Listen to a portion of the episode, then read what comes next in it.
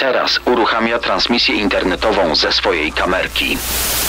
Zatrzymał się przy sklepie poza miastem, gdzie kupił łopatę. Sceny zbrodni w RMFFM.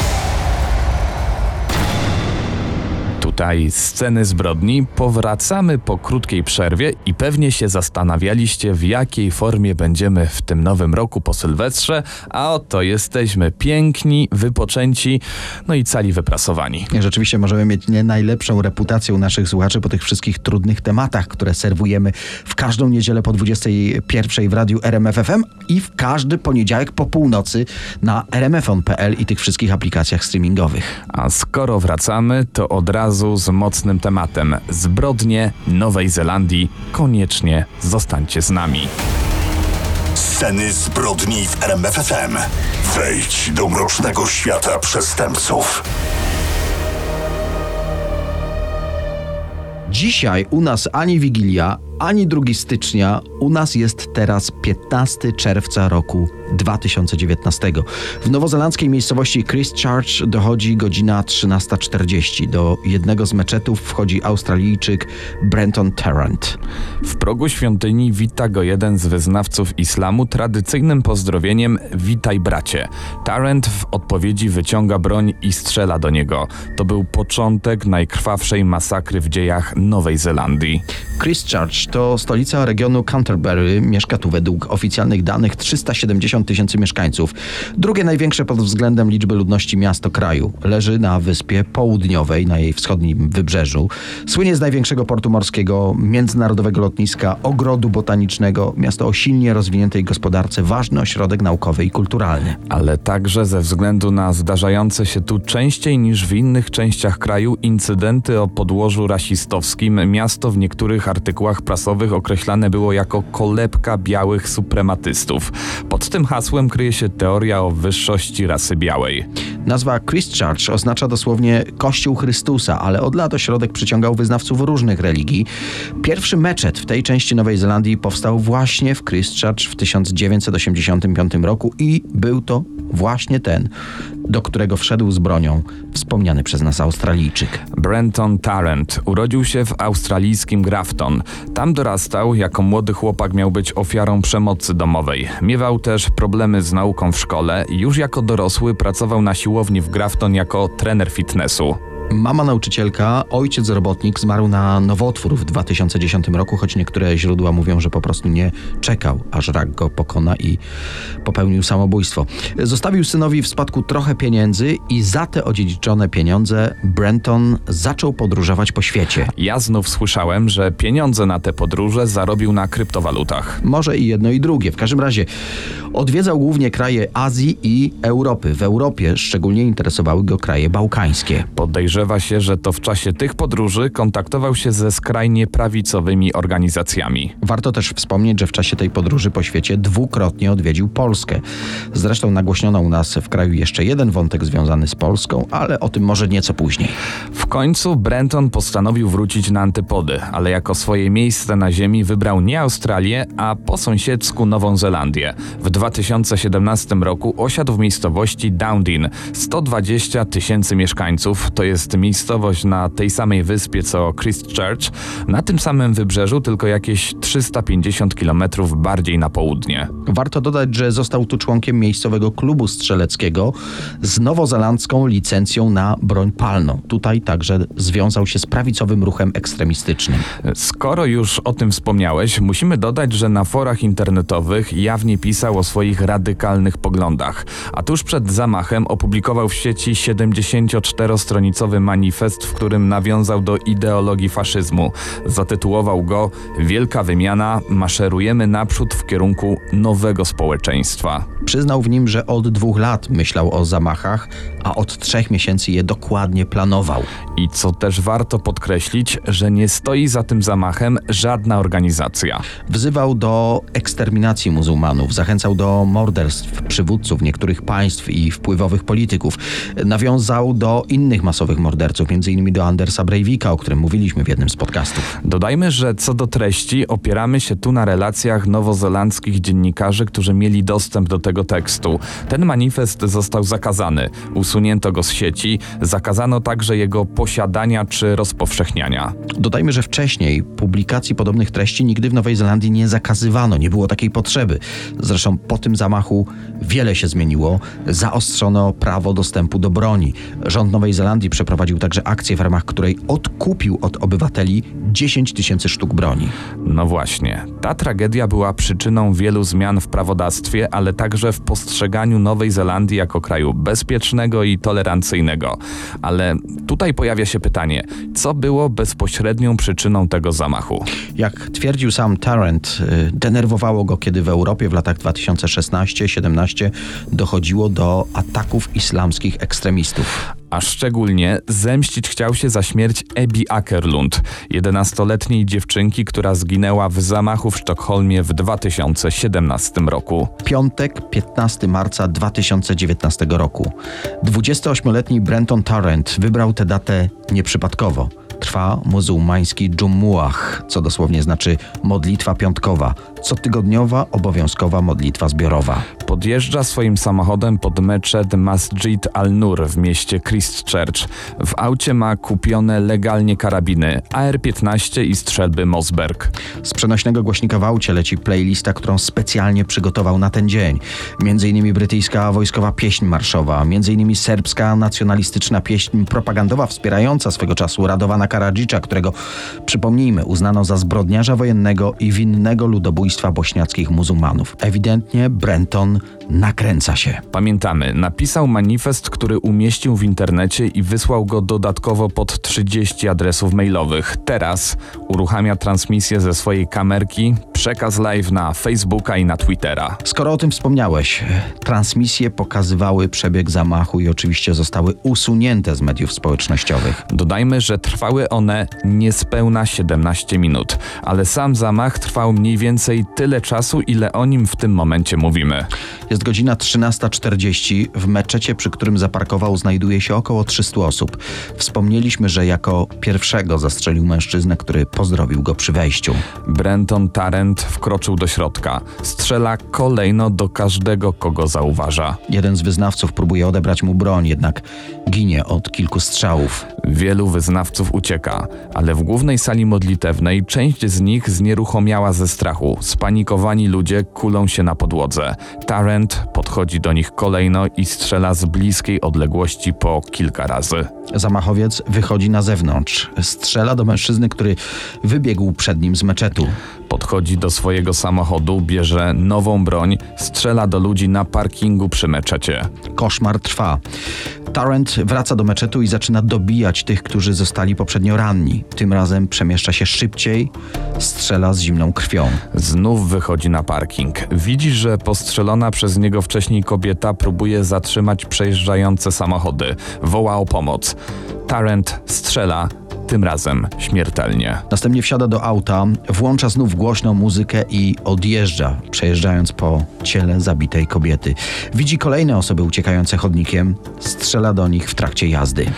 Nie wiadomo dlaczego nie spalił meczetu. Miał to w planach. W bagażniku samochodu znajdowały się kanistry z benzyną. Miał także w aucie materiały wybuchowe. Ta masakra trwa tylko około 5 minut. Zginęły w niej na miejscu 42 osoby, a rannych zostało 37 osób. Dwie z nich umrą niedługo później w szpitalu. Dosłownie moment po tym, jak zabójca odjechał, przed meczet dotarły siły policyjne, w tym jednostka specjalna. Zaczęli zabezpieczać teren. Nie wiedzieli, że za chwilę otrzymają wezwanie przed kolejny meczet. Jesteśmy w momencie, gdy Brenton Tarrant y, odjechał samochodem spod meczetu, w którym urządził rzeź. Jedzie przez miasto Christchurch. Świadkowie wspominają później, że wyglądało to jakby jakby nie miał planu. Być może tak jest. Wspomnieliśmy o transmisji internetowej, jaką prowadził. Wyłącza ją w trakcie przejażdżki. To też mogło sygnalizować, że skończył zaplanowane zadanie. A jednak to nie koniec. W trakcie jazdy trafia na samochody stojące w korku, posyła w ich stronę kilka kul. To już nie ma nic wspólnego z zemstą na muzułmanach za zamachy w Europie, na którą powoływał się w swoim manifestie. A jednak podjechał pod kolejny meczet w Christchurch, meczet Masjid Linwood. Na parkingu przed świątynią ustawia swój samochód tak, by zablokować wyjazd. Próbuje wejść do meczetu, ale nie może znaleźć wejścia. Tak, poprzedni meczet oglądał kilka razy przed akcją, by zorientować się w układzie pomieszczeń. Przeglądał też jego plany w internecie, a tu, no tu zachowuje się jakby nie planował tej części zamachu. Jako, że nie znalazł wejścia, strzela do wnętrza budynku przez okno. Strzela również do osób w okolicy meczetu. Zabija na miejscu czterech przechodniów. Wtedy z meczetu wybiega jeden z modlących się tam mężczyzn. Widzi, że napastnik upuszcza strzelbę i sięga do samochodu po kolejną broń. Wykorzystując ten moment, rzuca w niego tym, co ma pod ręką. Był to akurat czytnik kart płatniczych. Jak później zeznał, chciał odwrócić uwagę terrorysty od meczetu. Ten mężczyzna zdołał jeszcze podnieść strzelbę z ziemi, gdy akurat Brenton Tarrant wyciągał z auta inny karabinek. Strzelba okazała się pusta. Mężczyzna ukrył się między samochodami, a Tarrant próbował go trafić. Więc rzeczywiście powiódł się plan, by odwrócić uwagę od meczetu. Tak, mężczyzna nawet wołał: Jestem tutaj, jestem tutaj. Tarrant jednak, nie mogąc go trafić, ruszył w stronę świątyni. Tym razem wszedł do środka i znów zaczął strzelać. Po chwili wrócił do auta. Wtedy mężczyzna, który podniósł porzuconą strzelbę, rzucił nią w samochód i wybił jedną z szyb. Sprawca jednak odjechał. Zostawił po sobie siedem ofiar śmiertelnych i pięciu rannych. Przypomnijmy, do pierwszego ataku doszło o godzinie 13.40, a już o 13.59 policja zatrzymała sprawcę. 19 minut, w czasie których w obu zamachach zginęło 47 mężczyzn i 4 kobiety. 40 osób zostało rannych. Ale tej liczby nie podawano jeszcze długo po zamachach. Media mówiły o licznych ofiarach, o zaginionych. Z czasem policja ujawniła więcej danych. Wielkim szokiem dla wszystkich był fakt, że pośród ofiar był sportowiec, członek reprezentacji narodowej Nowej Zelandii. Wróćmy do Tarenta. Mimo relacji świadków, zapisów miejskiego monitoringu, mimo dowodów w postaci transmisji internetowej i tego manifestu, nie przyznawał się do winy. Biegli uznali, że był poczytalny i może być sądzony. Postawiono mu zarzut morderstwa 51 osób i próby zabicia kolejnych 40. Oczywiście wśród zarzutów była też działalność terrorystyczna. Przełom nastąpił w marcu 2020 roku. Tarrant przyznał się do zamachów. 27 sierpnia e, 2020 roku sąd skazał go na karę dożywotniego więzienia bez prawa ubiegania się o wcześniejsze zwolnienie warunkowe. To pierwszy wyrok bezwzględnego dożywocia w historii Nowej Zelandii. Ale obiecaliśmy wspomnieć o jeszcze jednym polskim akcencie w tej sprawie, o którym głośno było w mediach. Na broni, z której strzelał Tarrant w trakcie tych zamachów, umieścił różne symbole i napisy. Głównie rasistowskie hasła, nazwiska innych zamachowców, postaci historyczne i daty bitew. I właśnie wśród tych dat zapisał datę Wiktorii Wiedeńskiej, to jest 12 września 1683 roku. To wtedy wojska pod dowództwem króla polskiego Jana III Sobieskiego powstrzymały natarcie armii Imperium Osmańskiego pod wodzą wezyra Kara Mustafy. Bitwa pod Wiedniem była przełomową bitwą świata chrześcijańskiego i muzułmańskiego, po której Imperium Osmańskie już nigdy nie najechało Europy. To z tego powodu uznał datę za ważną dla jego ideologii i tłumaczącą jego zamachy terrorystyczne. Scenach zbrodni w RMF FM nowy rok rozpoczynamy w Nowej Zelandii. Czas na sprawę Grace Millane. Tragiczna śmierć 22-letniej córki milionera Davida Millana, która wstrząsnęła całym światem. Dziewczyna we wrześniu 2018 roku po ukończeniu licencjatu postanowiła zrobić sobie rok przerwy i wybrać się w podróż dookoła świata. Swoje marzenie mogła spełnić dzięki oczywiście wsparciu ojca, który był bardzo bogatym deweloperem. W czasie tej wyprawy utrzymywała stały kontakt ze swoimi bliskimi, informując ich regularnie na bieżąco o kolejnych etapach podróży. W pierwszej kolejności udała się do Peru, Patagonii i Boliwii, a następnie trafiła do Nowej Zelandii, gdzie planowała zostać dwa tygodnie. 30 listopada zatrzymała się w Auckland. Wszystko przebiegało zgodnie z planem. Dziewczyna po zakwaterowaniu się w hostelu postanowiła rozerwać się na mieście. W sobotnią noc 1 grudnia za pośrednictwem popularnej aplikacji randkowej znalazła sobie 26-letniego towarzysza. Wieczorem wybrała się z nim na spotkanie. Opuściła hostel, y, wyszła do centrum miasta ubrana w czarną sukienkę, taką do kolan. Z nieznajomym umówiła się przy popularnej wieży obserwacyjnej Sky Tower. Dziewczyna przyszła nieco wcześniej, więc zrobiła kilka zdjęć choinki, aby wysłać relacje do rodziny. Wkrótce nieznajomy pojawił się na miejscu. Niemal od razu rozpoznał Grace i przytulił ją na przywitanie. Po krótkiej rozmowie wybrali się do restauracji. Para złapała ze sobą świetny kontakt, odwiedzili później jeszcze dwa puby, pili drinki do późna. Zdecydowanie coś zaiskrzyło między Grace i tym tajemniczym nieznajomym. Wysłała ona nawet SMS-a do swojej przyjaciółki, informując ją o tym, że z nikim nie dogadywała się tak dobrze jak z tym nowo poznanym mężczyzną. Finalnie chłopak postanowił zaprosić Grace do swojego pokoju w hotelu City Life. Dziewczyna z chęcią to zaproszenie przyjęła. Opuścili lokal o 21.30. Ostatni raz kamery monitoringu zarejestrowały parę około 21.40. Gdy zamknęli drzwi do pokoju 308, ślad po dziewczynie zaginął. Kolejnego dnia, 2 grudnia, Grace obchodziła 22 urodziny. Rodzina jednak nie była w stanie skontaktować się z jubilatką. Dziewczyna nie reagowała na żadne wiadomości. Przyjaciele również próbowali się dowiedzieć, gdzie jest Grace. Bezskutecznie szukali jakichś informacji w mediach społecznościowych. Ewidentnie było coś nie tak.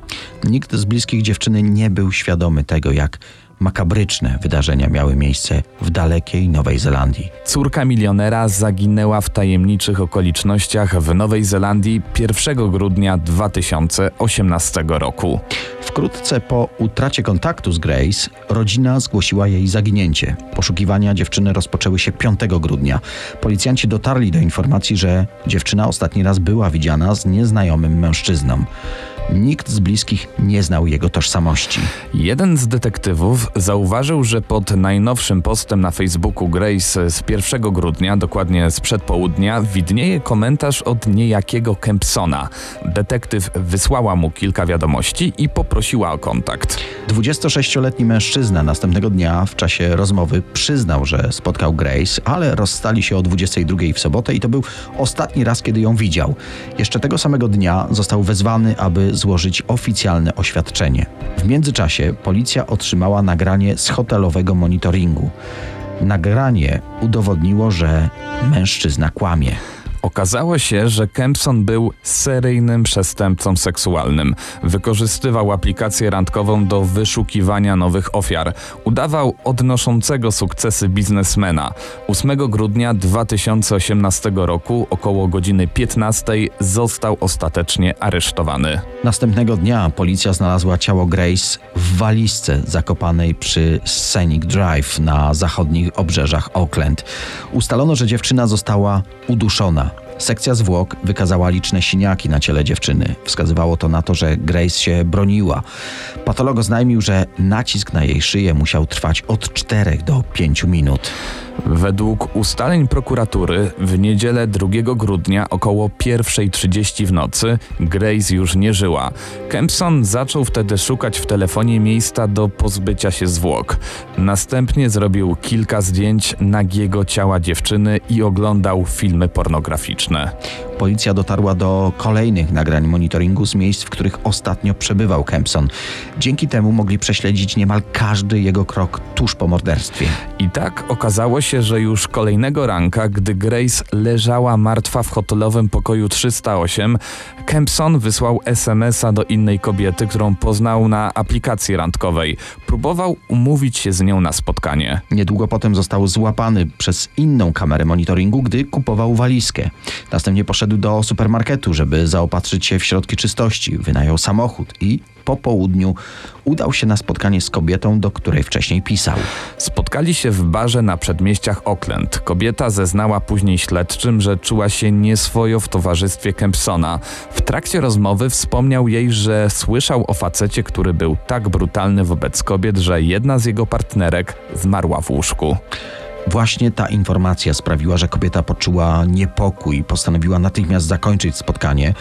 Jesse Kempson nie przejął się jakoś szczególnie jej reakcją. Dosłownie chwilę po jej wyjściu wysłał do niej kolejnego SMS-a z prośbą o kolejną randkę, którą to prośbę odrzuciła i wiele wskazuje na to, że to uratowało jej życie. Jak już wspominaliśmy, w rozwiązaniu tej sprawy pomogły kamery monitoringu. Na nagraniach uchwycono moment przygotowań mordercy dziewczyny do pozbycia się ciała swojej ofiary.